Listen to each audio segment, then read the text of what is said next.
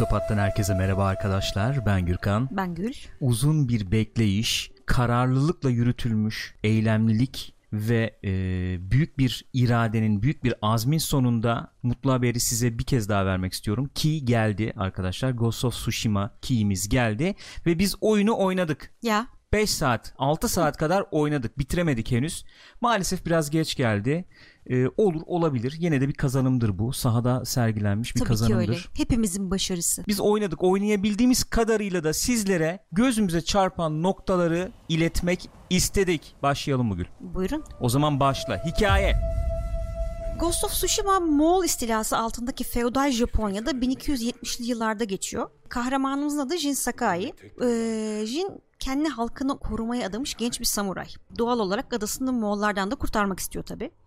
Sadece Moğollarla da uğraşmıyor. Bir taraftan istilanın değiştirdiği bir ada düzeni söz konusu.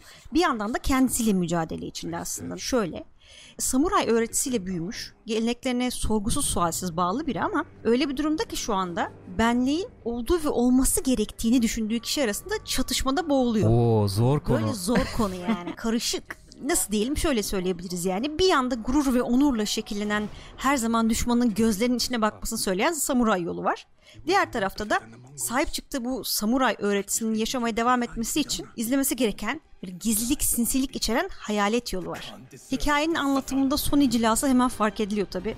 Oyunun sunduğu bu samuray ve hayalet oynanışları doğrudan hikayeye bağlanıyor. Aynı şekilde ara sahneler ve flashbackler de e, Jin'i böyle etten kemikten bir karaktere dönüştürüyor. Oyuncu olarak biz yeni skill'ler öğrenirken bir taraftan flashbacklerle hem Jin'in anılarına hem de bu ikilemlerine şahit oluyoruz aslında. Mesela ilk defa gizlilikle birini indirecekken bir flashback çıkıyor karşımıza. Sonra bir daha assassination yapacağımızda yine bu flashback'ten bir parça çıkıyor. Ufak bir parça. Böylece bunun cin için ne kadar sıkıntılı bir durum olduğunu da iyice vurgulanmış, altı çizilmiş oluyor. E peki yani oynadığımız kadarıyla nasıl buldun hikayeyi böyle 5-6 saat? Hani hem hikayeyi hem de anlatımı nasıl buldun desem? Ya e, çok uzun oynamadık dediğin gibi ama şu ana kadar beklediğimden fazlasını gördüm açıkçası. Daha böyle üstün körü bir şeyler bekliyordum. Ama hem Cine hem de bu yan karakterleri falan bayağı ısındık. Yani şimdiye kadar sardı hikaye diyebiliriz. Sence nasıl? Diyebiliriz. Ben mesela türlü türlü ihanet bekliyorum birincisi bu hikayede. Onu söyleyebilirim. Bir de tam emin değilim nereye gidecek gider mi gitmez bilmiyorum ama acaba tarihteki ilk ninjanın hayatını mı oynuyoruz diye de Oo. sormadım değil. Açık dünya. Şimdi gençler açık dünya artık bizi yordu. Efendim bir oyunda açık dünya olmasın der hale geldik biliyorum. Ama her şeyde olduğu gibi açık dünyanın da iyisi var kötüsü var sonuçta. Ghost of Tsushima daha önce State of Play'de biliyorsunuz oynanış gösterilmişti. Bu gösterilen oynanıştan sonra e, Assassin's Creed Odyssey'e özellikle Odyssey'e çok benzetilmişti. Biz de hani yayında söylemiştik. İşte efendim düşman göstergesi ya da işte etraftan bambu toplama bilmem ne bayağı benziyor demiştik. Samurayla Assassin's Creed muhabbeti dönmüştü. Bence oynadığım kadarıyla Tsushima açık dünyasını oluştururken birçok oyundan faydalanmış. Mesela tırmanma Horizon Zero Dawn'u hatırlattı bana. Kaynak toplama Odyssey'i anımsattı. Yan hikayeler, işte dolaşırken karakterlere rastlama falan da Red Dead Redemption'ı anımsattı bana. Peki iyi olmuş mu böyle? Biraz fazla tanıdık olmuş bence ama fena da değil. Yani oynarken Assassin's Creed kadar, Odyssey kadar diyeyim daha doğrusu formüle dayalı ve gereğinden büyük hissettirmedi ama özellikle teknik açıdan Red Dead Redemption 2 kadar da organik gelmedi. O kadar organik değil. Arada bir yerde diyebiliriz bence. Ee, soru işaretleri var yine. İşte yetenek geliştiren shrine'lar var dağılmış etrafa. Temizlenebilir outpostlar falan var Far Cry gibi. Bunlar bu klasik öğeler yine mevcut. Bunlar zamanla tekrara bağlayabilir. Hani klasik e, sorunumuz ya açık dünyada e, tekrara bağlıyor falan. Ama yine de e, bağlama kontekse e, görece iyi yedirilmişler. Mesela sağlık barımızı geliştirmeye yarayan doğal havuzlar var oyunda. İşte doğal havuz ne o kaplıca mı diyeceğiz ne diyeceğiz Yani Spring. işte evet kaynak. kaynak efendim Ee, kaynak suları var ve buralara girdiğimizde e, Jin'in e, dötünü görmenin dışında ufak bir iç yolculuğuna da tanık oluyoruz böyle bir kontrast var yani İç dış. iç dış tanık oluyoruz Jin'e hikaye biraz daha detaylanıyor mesela Ee, ayrıca bu noktaları haritada bulması bence diğer açık dünyalara göre daha zevkli olmuş ki bu da bizi keşife getiriyor sevgili Gül Evet. Oyunun güzel, hatta senin deyiminle öyle dedin ya sen romantik açık dünyası her tarafa işaretler doldurarak bozulmamış bir kere. Romantik derken neyi kastediyoruz? Böyle her yerde kalpler falan uçuşmuyor tabii öyle Hı hı. bir şey değil. Ama böyle çok gerçekçi bir görsellikten ziyade e, daha böyle romantize edilmiş, ne bileyim göze hoş gelecek, estetik hale getirilmiş bir dünya burası aslında. Abartılı hatta zaman zaman yani böyle yapraklar falan uçuşuyor, dinmiyor, her taraf yaprak falan. Evet ama yani bu güzel dünya, bu romantik dünyayı hiç bozmamışlar dediğim gibi. Ee, mesela bir yere gitmek istiyoruz. Gideceğimiz yeri el çizimi haritamızda böyle kabaca görüyoruz belki ama bize esas yol gösteren oyunun adeta karakterlerinden biri haline gelen rüzgar oluyor. Senin de az evvel söylediğin gibi böyle rüzgar bize rehberlik ediyor. Gitmek istediğimiz yöne doğru esiyor, yaprakları o yöne doğru uçuşturuyor. Şey yaparken bu tanıtımları falan izlerken şey diye düşünmüştüm açıkçası. Bu yorar mı insanı, bayar mı böyle sürekli bir esinti bir şeyler dökülüyor ediyor falan diye ama aksine dünyanın içinde hissettiriyor. Öyle gibi geldi bana. Bir de bir şey ekleyebilir miyim ya? Şey hoşuma gitti. Mesela bir bölgeye gelince haritanın o kısmını tamamen açmıyor. Senin Evet. oradan geçmen lazım. Böyle savaş sisi gibi bir sistem kurmuş. Ee, geçtiğin yerdeki sis ortadan kalkıyor haritada. Hatta daha fazla geçtikçe o sisini kaldırma gibi böyle özel yetenekler, şeyler falan ekleyebiliyorsun karakterine. Ne o? Charm, charm ekleyebiliyorsun falan yani. Ee, onun dışında yolda karşımıza çıkan diğer yol göstericilerimiz var. Tilkiler, kuşlar gibi. Onlar da rüzgar gibi aynı şekilde daha oyunun başında ufacık bir cümleyle hikayeye bağlanıyor. Ya bu çok hoşuma gitti çünkü e, diğer günümüz oyunlarında özellikle de işte bu açık dünya oyunlarında böyle çamaşır makinesi kullanım kılavuzu soğukluğuyla bize dan diye böyle bütün oyun mekaniklerini sunuyorlar. Soru işareti bilmem ne şu bu falan diye. Bu e, oyunun romantik dünyasına uygun olarak incelikle sunulmuş ve bu gerçekten hoşuma gitti. Sucker Punch burada böyle bir ince görmüş Evet gibi evet geldi evet. bana. Diğer taraftan oyuncu olarak aslında esasen savaşıyoruz oyunda ama oyuna hakim atmosfer, duygu ne deseler belki dinginlik derim yani. Çünkü e, oyunun dünyasını keşfederken böyle karşılaştığımız mini game'lerde bile bunu hissediyorsun. Mesela göl başında oturup haiku yazıyoruz. Ufak şiir böyle seçiyoruz cümlelerini falan. Çok gerildim yaparken ya. Niye? Anlamlı olsun falan diye. Anlamlı olmuyor zaten boş ver. Anlayacağımız bir şey değil yani. Ya sudan girdim ondan sonra ağaca geçiyor falan oldu mu bu diyorum ikisi uydu mu uyumadı mı falan diye. Artık e, abuk subuk konuşan samuray olarak tarihe geçersin ne yaparsın? Neyse doğu felsefesinin dinginliği, bu doğayla olan harmonisi falan her yere sinmiş. Zaten muhteşem görünüyor.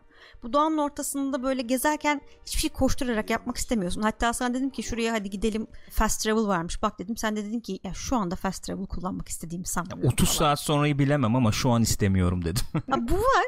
Bir de üstüne her şeyi yaptığın her şeyi bir tarafa bırakmanı sağlayan bir şey koymuşlar ki oyuna ondan da bahsetmemek olmaz yani. Fotoğraf modu. of.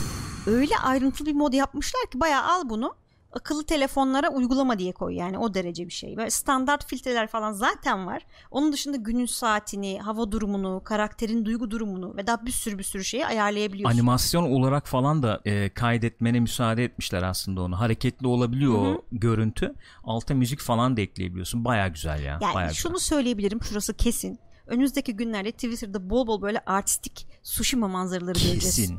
Kesin. Gelelim savaşa, savaş mekaniklerine. Oyunun en merak edilen unsurlarından biri. Tabii ki savaş mekaniğiydi. Kahramanımız Jin temel samuray eğitimi almış biri bir kere. Bunu biliyoruz ve çatışmalara düşmanıyla yüzleşerek girebildiği gibi gizlilik unsurlarını da kullanabiliyor. Bunları kullanıp hayalet olmayı da seçebiliyor. Şimdi suikastler ilk bakışta aşina olduğumuz mekaniklere sahip. Onu söyleyeyim bir kere. Ne gibi? Mesela işte düşmanın arkasından sinsice yaklaştım. Kareye bastım, çat indirdim. Veya işte yüksekten üstüne atladım, bıçakladım gibi hareketler mevcut. Bunun yanında gördüğüm kadarıyla böyle işte sis bombası atma falan gibi yetenekler de ileride açılabiliyor. Dediğim gibi oyunun ilerleyen kısımlarında açılabilecek birçok aktif ve pasif yetenek var. Bulunuyor bunlar. Bu yüzden çatışmaların oyunun sonuna doğru nasıl olacağını tam olarak kestiremiyorum açıkçası şu anda. Ama oynanış mekaniği açısından değerlendirecek olursam eee, bir kere zamanlamanın ve bloklamanın çok önemli olduğu doğru düşmana doğru stance'le yani doğru duruşla yaklaşmanın gerektiği dikkat isteyen bir dövüş sistemi olmuş. Souls vari oyunlar kadar acımasız diyemem ama bir iki darbede ölme noktasına gelebiliyoruz. Çatışmalar genelde zaten birden fazla düşmana karşı oluyor ve düşman öldürdükçe dolan resolve, e, azim diye bir bar var. Ve azim kullanarak sağlığımızı arttırabiliyoruz. Böylece e, yaptığımız hataları telafi şansımız oluyor dövüş sırasında. yani klasik kaşık yöntemiyle düğmelere abanarak iyi sonuçlar alman pek mümkün değil açıkçası ve kombolarla ve animasyon tokluyla animasyonları iyi bence e, gayet tatminkar savaşlar yapabiliyoruz. Bir de zaman zaman kullanabildiğimiz standoff diye bir nane var ki bu hakikaten çok güzel olmuş. Bir nevi düello gibi yani Vahşi Batı'nın düellosu Çok gibi. karizma değil mi ama? İnanılmaz karizma değil mi? Düşmanla karşı karşıya gelince D-pad'den yukarı basıyoruz ve bu düello anları oluşuyor ve bu anlarda düşmanın saldırmasını bekliyoruz. Düşman böyle fake falan da yapabiliyor. Saldırdığı anda katanayı çat çekiyoruz. Tek darbeyle indirebiliyoruz rakibi. Çok çok güzel olmuş. Bunu böyle efendim e, zincir haline de getirebiliyorsun yetenek açıp işte 2-3 düşmanı birden indirebiliyorsun. Muhteşem görünüyor. Hiç eskimedi benim için. Her seferinde giriyorum bu standoff'lara öyle söyleyeyim. Özetlemem gerekirse dövüşler bence tok olmuş tatmin edici olmuş. Hani yapay zeka açısından çok bir şey söyleyemiyorum şu noktada. Biraz klasik böyle efendim hepsi birden saldırmıyor bekliyorlar gibi ama samuraylıkta biraz öyle bir şey. Çok tehdit edici bir unsur samuray olmak. Ee, karşı taraf her an e, ikiye bölüneceğini efendim dilimlere ayrılacağını bilir gibi yaklaşıyor sanki ve siz e, mesafenizi koruyarak düşmanın hareketlerini efendim sezmeye çalışarak falan oynadıkça üstünüze geliyorlar çok çevik hareketlerle onları savuşturup iki harekette yere seriyorsunuz. Çok çok hoşuma gitti benim. Aceleyle oynanmadığında, oyuna saygı duyularak efendim samuray gibi tırnak içinde oynamaya çalışıldığında çok zevkli olacağını düşündüğüm bir dövüş sistemi var. Peki öyle hissettirdin mi? Samuray gibi hissettin mi? Yani oyunun başındayız tabii daha ama e, oyunu oynamadan önce de biraz böyle tükettik ya o tip içerikler YouTube'da olsun işte filmler falan işte samuray olmak. Başlı başına ölümcül bir silah olmak gibi. E, o, o moda girdim ya. O modu hissettirdi bana.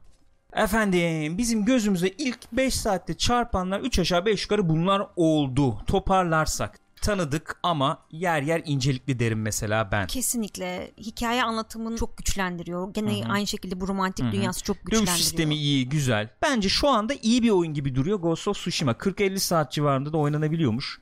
Hani klasik efendim ben e, bastırayım gideyim sırf e, ana hikayeyi oynayayım dersen 20-25 saatte biter deniyor. Ama yapmamak lazım. Yapmamak lazım ya. Bu oyun hakikaten ağır ağır oynamak lazım. Atı bile depar yapmıyorum yani. Ufak ufak böyle yürüye yürüye geziyoruz haritayı. Bence e, aceleye gerek yok. Gayet tadını çıkara çıkara oynanması gereken bir oyunmuş gibi duruyor. Klasik muhabbette yaparsak hani satın almayı düşünen arkadaşlar varsa biliyorsunuz oyunlar pahalı artık bir şey diyemiyoruz bu konuda ama bence bence Ghost of Tsushima kendisinden bekleneni verebilen bir oyun gibi. Çok ayrıksı durmadı ilk saatlerde ama türün iyi bir örneği gibi duruyor ilk saatlerde. Ya oyunu bitirince zaten daha da ayrıntılı konuşuruz. Muhakkak. Bu dediğin gibi 5-6 saatlik bir deneyimdi. Muhakkak Ee, bir inceleme gelir diye Tabii, tahmin tabii. ediyorum. Gençler siz ne düşünüyorsunuz? Açık dünyadan bıktık zaman ayırmam mı diyorsunuz? Yoksa uzak doğulu açık dünya mis mi diyorsunuz? Görüşlerinizi mutlaka paylaşın paylaşmayı unutmayın. Videoyu beğendiyseniz de bizden ufak rica olsun. Like'lamadan geçmeyin efendim diyoruz. Görüşürüz kendinize iyi bakın. Hoşçakalın.